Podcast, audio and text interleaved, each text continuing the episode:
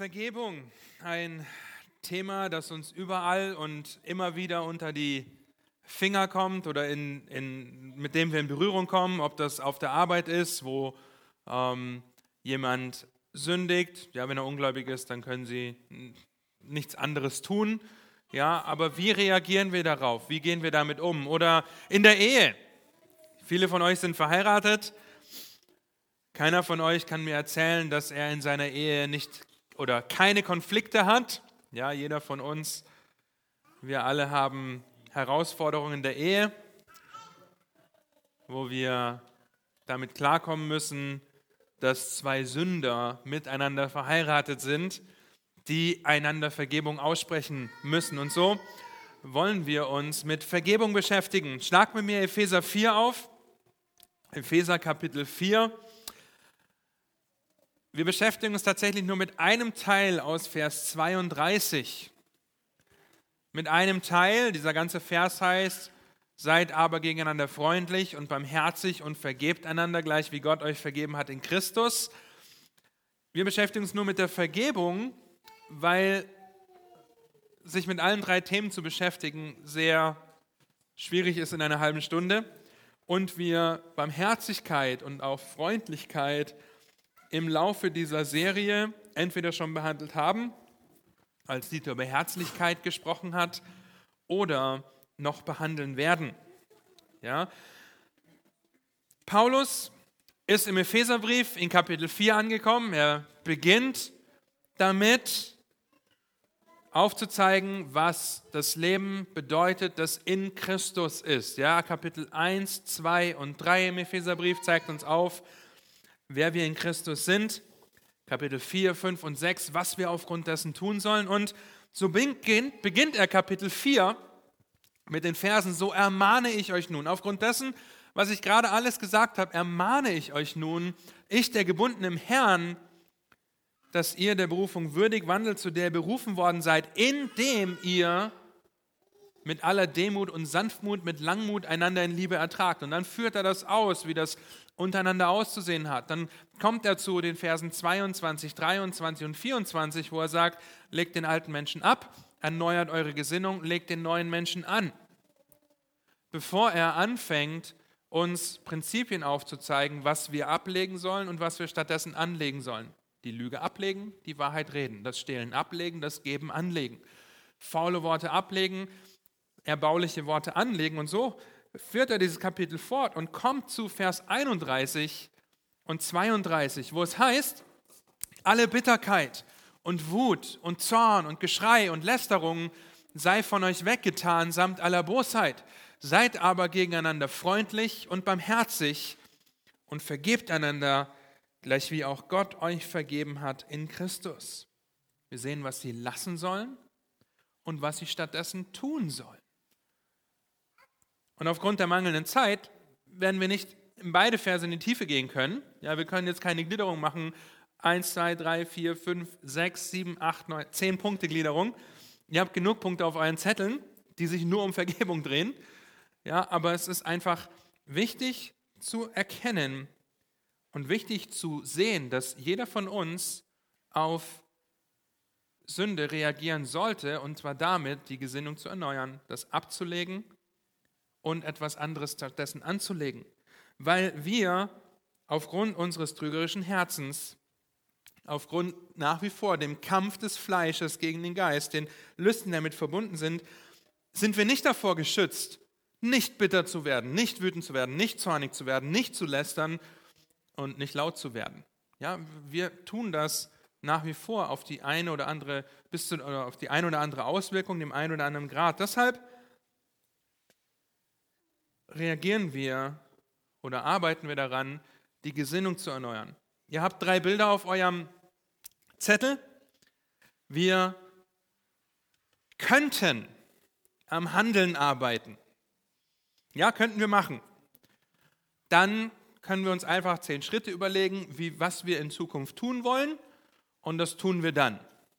Also Werksgerechtigkeit, Gesetzlichkeit, einfach nur Verhaltenstherapie. Wir könnten aber auch an den Emotionen arbeiten, die dazu führen oder was dazu führen würde, dass wir uns gut fühlen bei dem, was wir tun.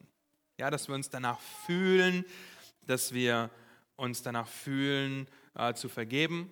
Nun, das geht aber nicht, ohne dass wir unser Denken erneuern, weil im Denken fängt das an. Mein Denken führt zu meinen Emotionen. Meine Emotionen führen zu meinem Handeln und dann beginnt der Prozess von vorne. Okay, das könnt ihr auf jeden Kampf anwenden, in dem ihr steht. Wir wollen darüber nachdenken, wenn wir bitter sind, wenn wir wütend sind, wenn wir zornig werden, was es in Epheser 3, Vers 31, 4, Vers 31 heißt, dann sind das Dinge, die im Denken beginnen, die sich durch unsere Emotionen noch aufbauschen, woraus dann unser Handeln entspringt. Das Herz kommt raus. Ja, und deshalb ist das Denken das Herz und nicht die Emotionen das Herz, so wie es heute oft gedacht wird oder gesagt wird. Folge deinen Gefühlen, folge deinem Herzen. Nun, das, was ich denke, wird sich immer manifestieren. Und so kann Paulus sagen, lasst das weg, denk, lasst das weg aus eurem Leben und legt an Freundlichkeit, Barmherzigkeit, um Vergebung. Und wenn ich mich in einem Prozess befinde, ja, oder in einem Kreislauf befinde, wo das Handeln mein Denken wieder neu anspornt, dann kann dieser Kreislauf nur durchbrochen werden, wenn ich, wenn du, wenn wir unsere Gesinnung erneuern, wenn wir unseren Verstand erneuern. Das ist das, was Epheser 4, Vers 23 sagt. Das ist das, was Römer 12, Vers 2 sagt. Lasst euch erneuern in der Gesinnung eures Herzens, damit ihr prüfen könnt.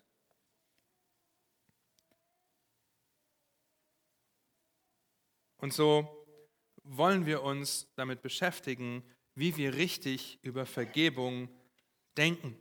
Die Parallelstelle zu Epheser 4, Vers 32 findet ihr in Kolosser 3, Vers 12 und 13. Da heißt es so, zieht nun an als Gottes auserwählte, heilige und geliebte herzliches Erbarmen, Freundlichkeit, Demut, Sanftmut, Langmut, ertragt einander und vergebt einander, wenn einer gegen den anderen zu klagen hat, gleich wie Christus euch vergeben hat, so auch ihr, Kolosser 3, Vers 12 und 13.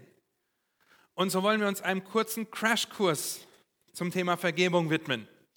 Ein Crashkurs, der versuchen soll, uns aufzuzeigen, dass wir Vergebung in ihrem Ansatz verstehen. Wir haben lange nicht die Zeit, das ganze Thema zu behandeln. Ja, da werden ganze Bücher drüber geschrieben, die man nicht in einer halben Stunde lesen kann. Was das für Folgen für uns hat und was die Konsequenzen sind, wenn wir uns weigern zu vergeben. Und wir rauschen ein bisschen durch. Okay? Ihr werdet im Predigtarchiv dann bei dieser Predigt unter anderem dieses Handout finden, wo die Lücken schon ausgefüllt sind, wo die Lücken noch drin sind und noch ein weiteres Dokument, wo ihr selber durcharbeiten könnt, wo einfach einige Fragen zum Thema Vergebung noch drinstehen. Gottes Vergebung verstehen. Wenn wir einander vergeben sollen, gleich wie Gott uns in Christus vergeben hat, dann müssen wir Gottes Vergebung kurz betrachten können wir sie verstehen im vollen und ganzen? Wahrscheinlich nicht. Aber aufgrund von 1. Mose 3, dem Sündenfall, ist jeder Mensch verfinstert, tot in Übertretung seiner Sünde und hat Vergebung nötig, die nur von Gott durch Christus kommen kann. Einige Wahrheiten. Gott liebt es zu vergeben. Psalm 86, Vers 5. Denn du, Jahwe, bist gut und vergibst gern. Und du bist reich an Gnade für alle, die dich anrufen. Das bedeutet, dass Gott uns erstens jede Sünde vergeben kann. Er vergibt Sünde, Missetaten, Übertretungen, das sind unterschiedliche Worte, die dasselbe beschreiben. Psalm 103, Daniel hat es vorhin schon vorgelesen, aber da heißt es zum Beispiel, er hat nicht mit uns gehandelt nach unseren Sünden und uns nicht vergolten nach unseren Missetaten. Er vergibt jede Sünde. Er kann jede Sünde vergeben. Gott vergibt uns zweitens, dass er uns, indem wir oder bevor wir überhaupt seine Freunde, seine Kinder genannt werden. Römer 5, Vers 8 bis 10 könnt ihr lesen. Ja, dass er seinen Sohn für uns geopfert hat. Gott aber beweist seine Liebe zu uns darin, dass Christus für uns gestorben ist, als wir noch Sünder waren. Und später heißt es dann in Vers 10, als wir Feinde waren. Drittens bedeutet das, dass Gott uns aus Gnade vergibt, ohne Ansehen von Werken oder Personen, bis auf das Ansehen einer Person und deren Werke. Und das ist Kinderstundenantwort? Jesus. Gott ist auch eine Kinderstundenantwort, das ist richtig. Ja? Christus ist auf diese Erde gekommen, um für uns Gottes Gesetz perfekt zu erfüllen. Um für uns am Kreuz, für unsere Schuld zu sterben, damit Vergebung für uns möglich ist. Brauchst du noch?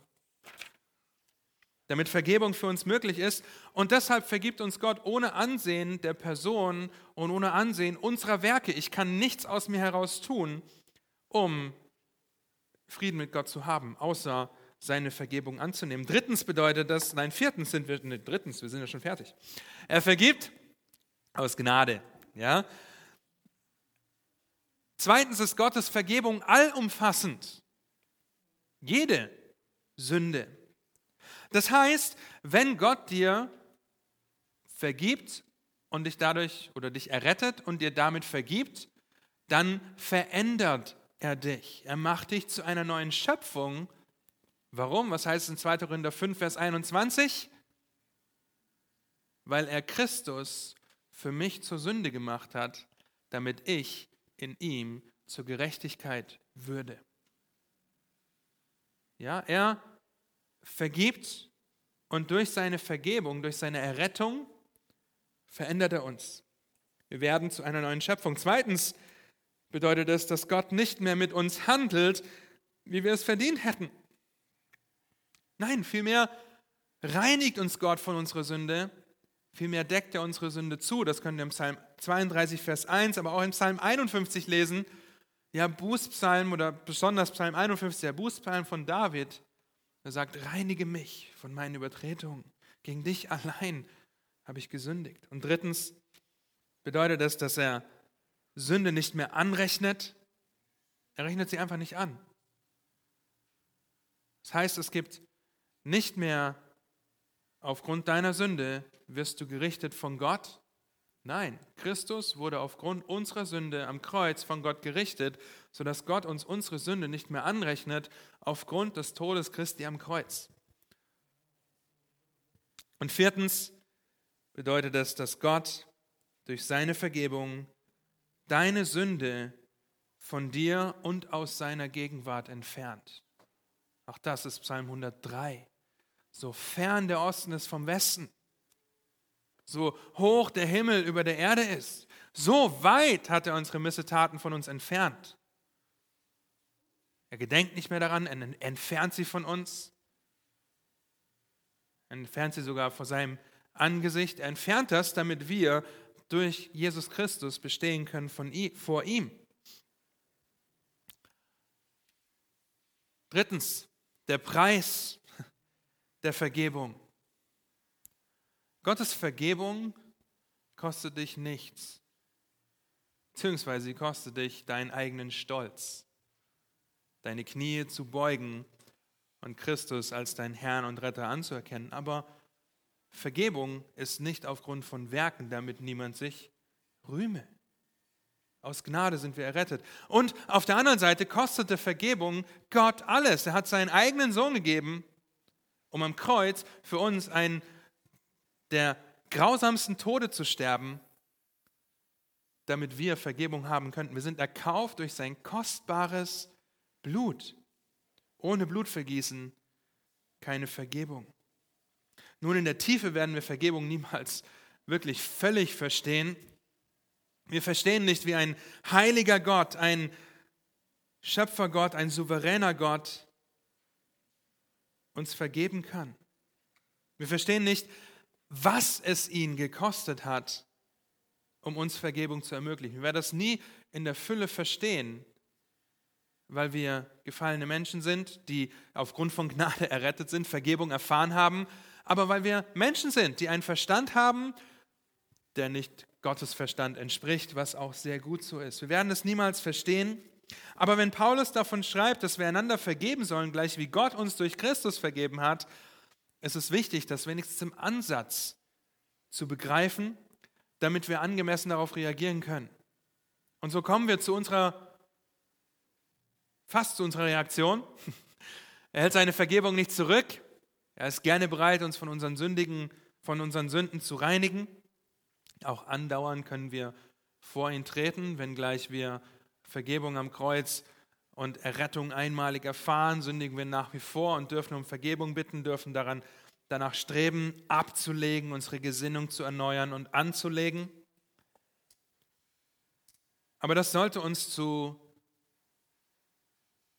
einer Reaktion führen.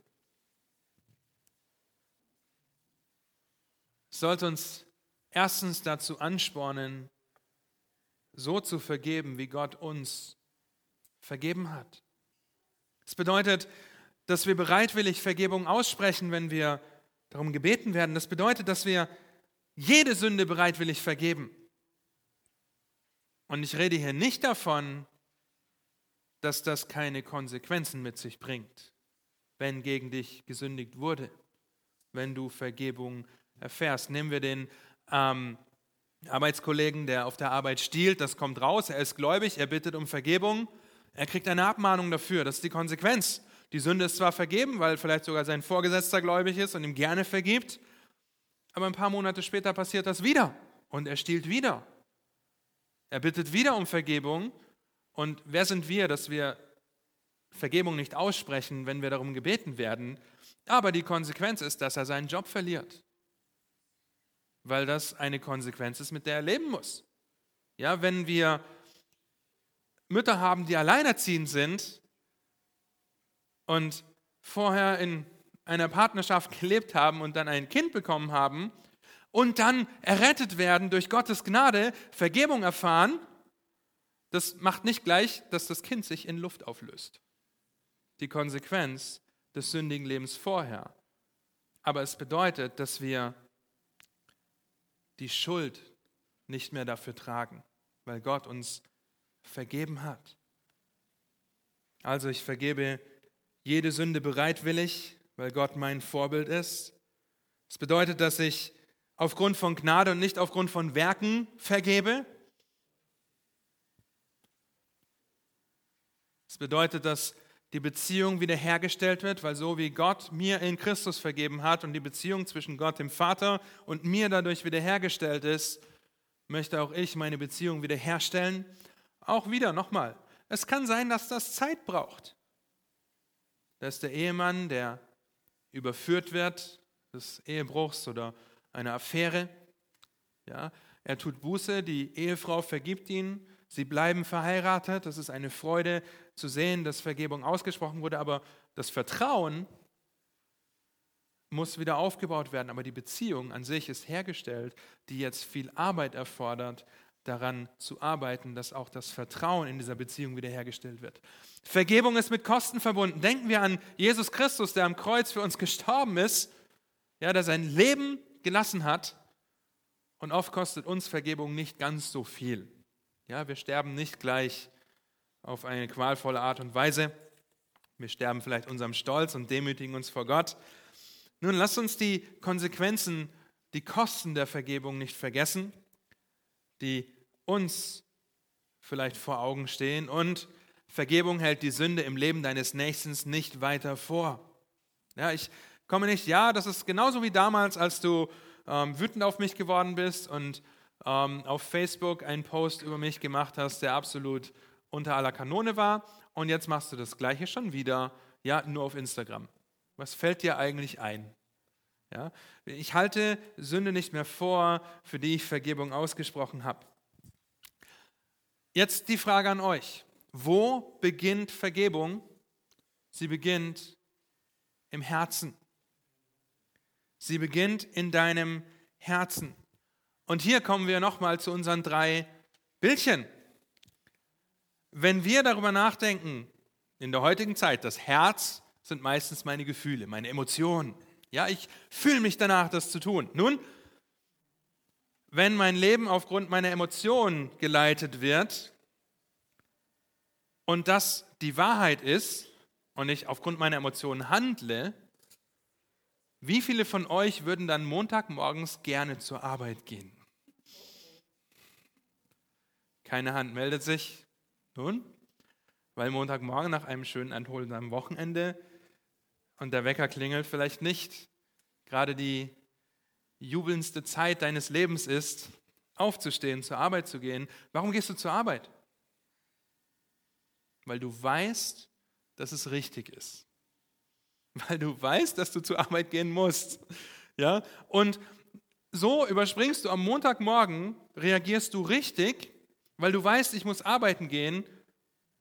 Du reagierst nicht emotional, vielleicht schon, aber dein Handeln ist nicht von deinen Emotionen bestimmt, sondern von deinem Wissen, von deinem Herzen, von dem, was du denkst. Und genauso ist es mit Vergebung.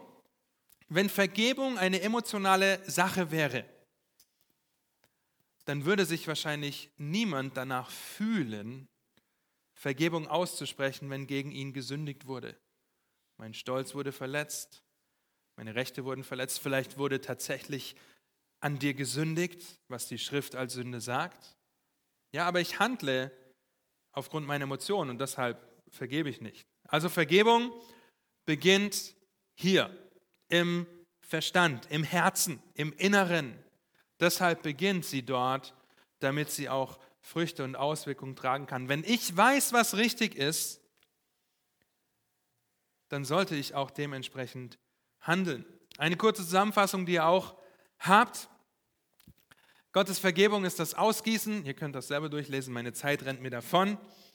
Ja, wir wollen uns auf sein Vorbild konzentrieren. Wir möchten uns darauf ausrichten, was er für uns getan hat durch seine überschwängliche Gnade,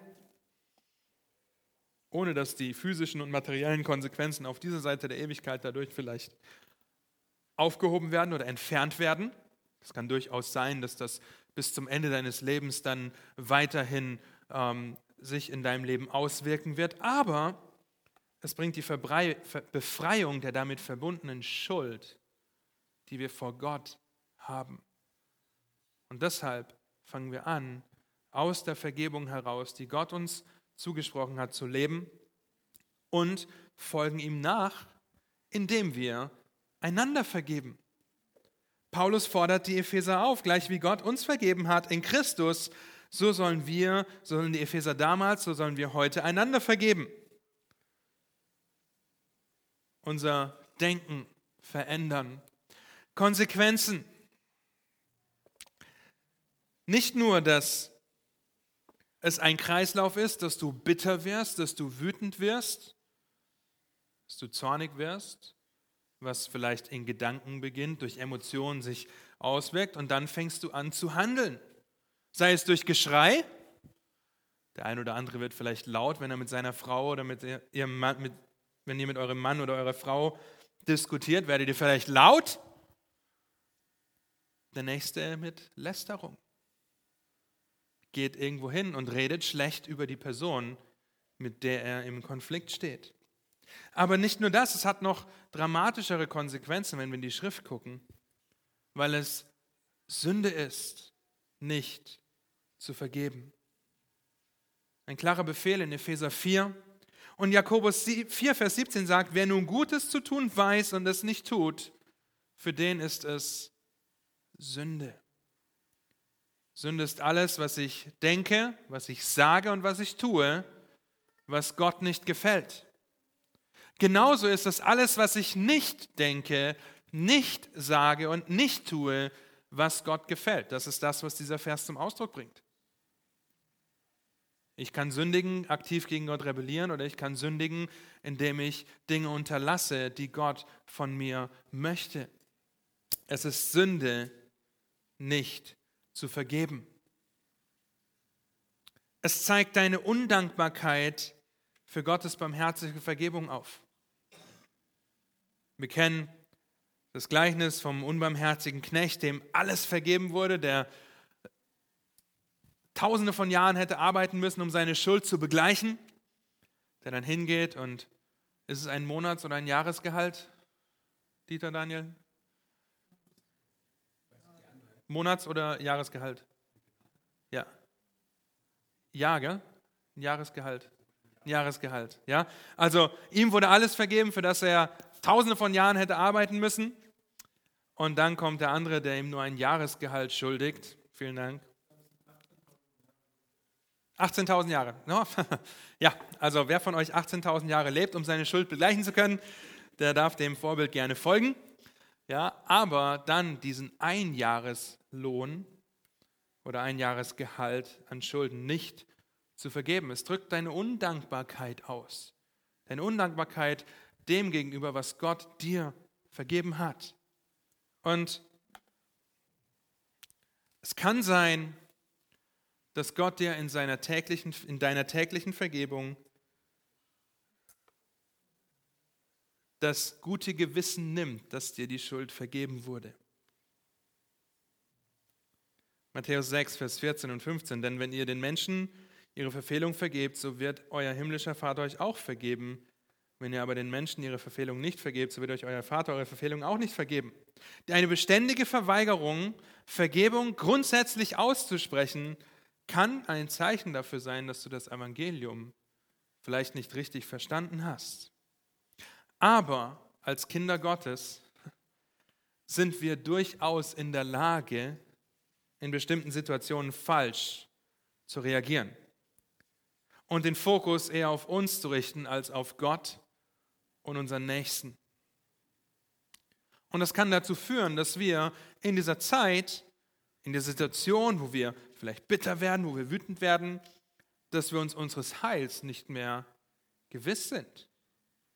Weil wenn ich Christi Vorbild nicht folge, dem anderen zu vergeben, und das beginnt im Herzen, in meinem Denken, und dann muss ich, muss ich, so hart das klingt und so schwer das auch oft ist, meine Emotionen vielleicht manchmal im Schatten stehen lassen und überspringen, zur Handlung gehen.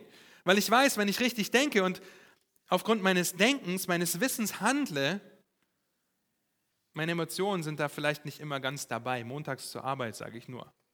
Ja? Aber meine Emotionen werden folgen, wenn ich eine gute Einstellung habe, wenn ich richtig denke, werde ich fröhlich bei der Arbeit sein am Montagmorgen, ob ihr es glaubt oder nicht. Das ist möglich. Und eine weitere Konsequenz ist, dass Gott dich auf eine liebevolle Art und Weise züchtigen wird. Er wird das tun, weil er dich so sehr liebt hat als sein Kind, dass er Züchtigung nicht zurückhält. Wie das aussehen kann, kann ich dir nicht sagen. Kann ich euch nicht sagen. Das kann sich in jedem Leben auf eine Art und Weise auswirken, die die beste Art und Weise für dich ist, dich zurechtzubringen. Ja, und dir zu zeigen, wo du in Sünde lebst. Einander zu vergeben. Ist eine Aufforderung, ob es dein Ehepartner ist, während oder nach einem Streit, ob es deine Kinder, Arbeitskollegen oder Geschwister in der Gemeinde sind die sich ohne Zweifel an dir versündigen können. Ja? Es ist kein Problem, dass ich mich an Miri versündige, weil ich meinen Willen nicht kriege. Und Miri hat viele Gelegenheiten zu lernen, mir zu vergeben. Aber reagiere nicht mit Sünde auf Sünde. Reagiere nicht mit einer Verweigerung von Vergebung auf die Sünde des anderen, weil dadurch sündigst du gegen Gott. Reagiere nicht mit Sünde auf Sünde. Und so möchte ich euch herausfordern, auch wenn es ein langer Prozess sein kann, über Vergebung noch intensiver nachzudenken, herausfordern, wo ihr in diesem Bereich nach euren Gefühlen handelt und nicht aufgrund dessen, was ihr aus der Schrift wisst. Wir haben es vorhin gehabt, Heilige sind durch die Wahrheit oder in der Wahrheit. Dein Wort ist Wahrheit. Wenn du jemandem Vergebung aussprechen musst, ob das im Herzen ist oder durch eine Konfrontation und nicht weißt wie, ermutige ich dich, auf deine Hirten zuzukommen, Daniel, Dieter und mich. Auch die Diakone sind gut ausgerüstet, wenn nicht, dann leiten sie euch weiter, damit wir gemeinsam daran arbeiten können, einander die Lasten zu tragen. Auch darüber haben wir schon gesprochen. Dass wir gemeinsam daran arbeiten können, was es heißt, Vergebung auszusprechen, was es heißt, vielleicht sogar zu konfrontieren, wie das aussehen kann. Also die Herausforderung an euch, vergebt einander, gleich wie Gott euch vergeben hat in Christus.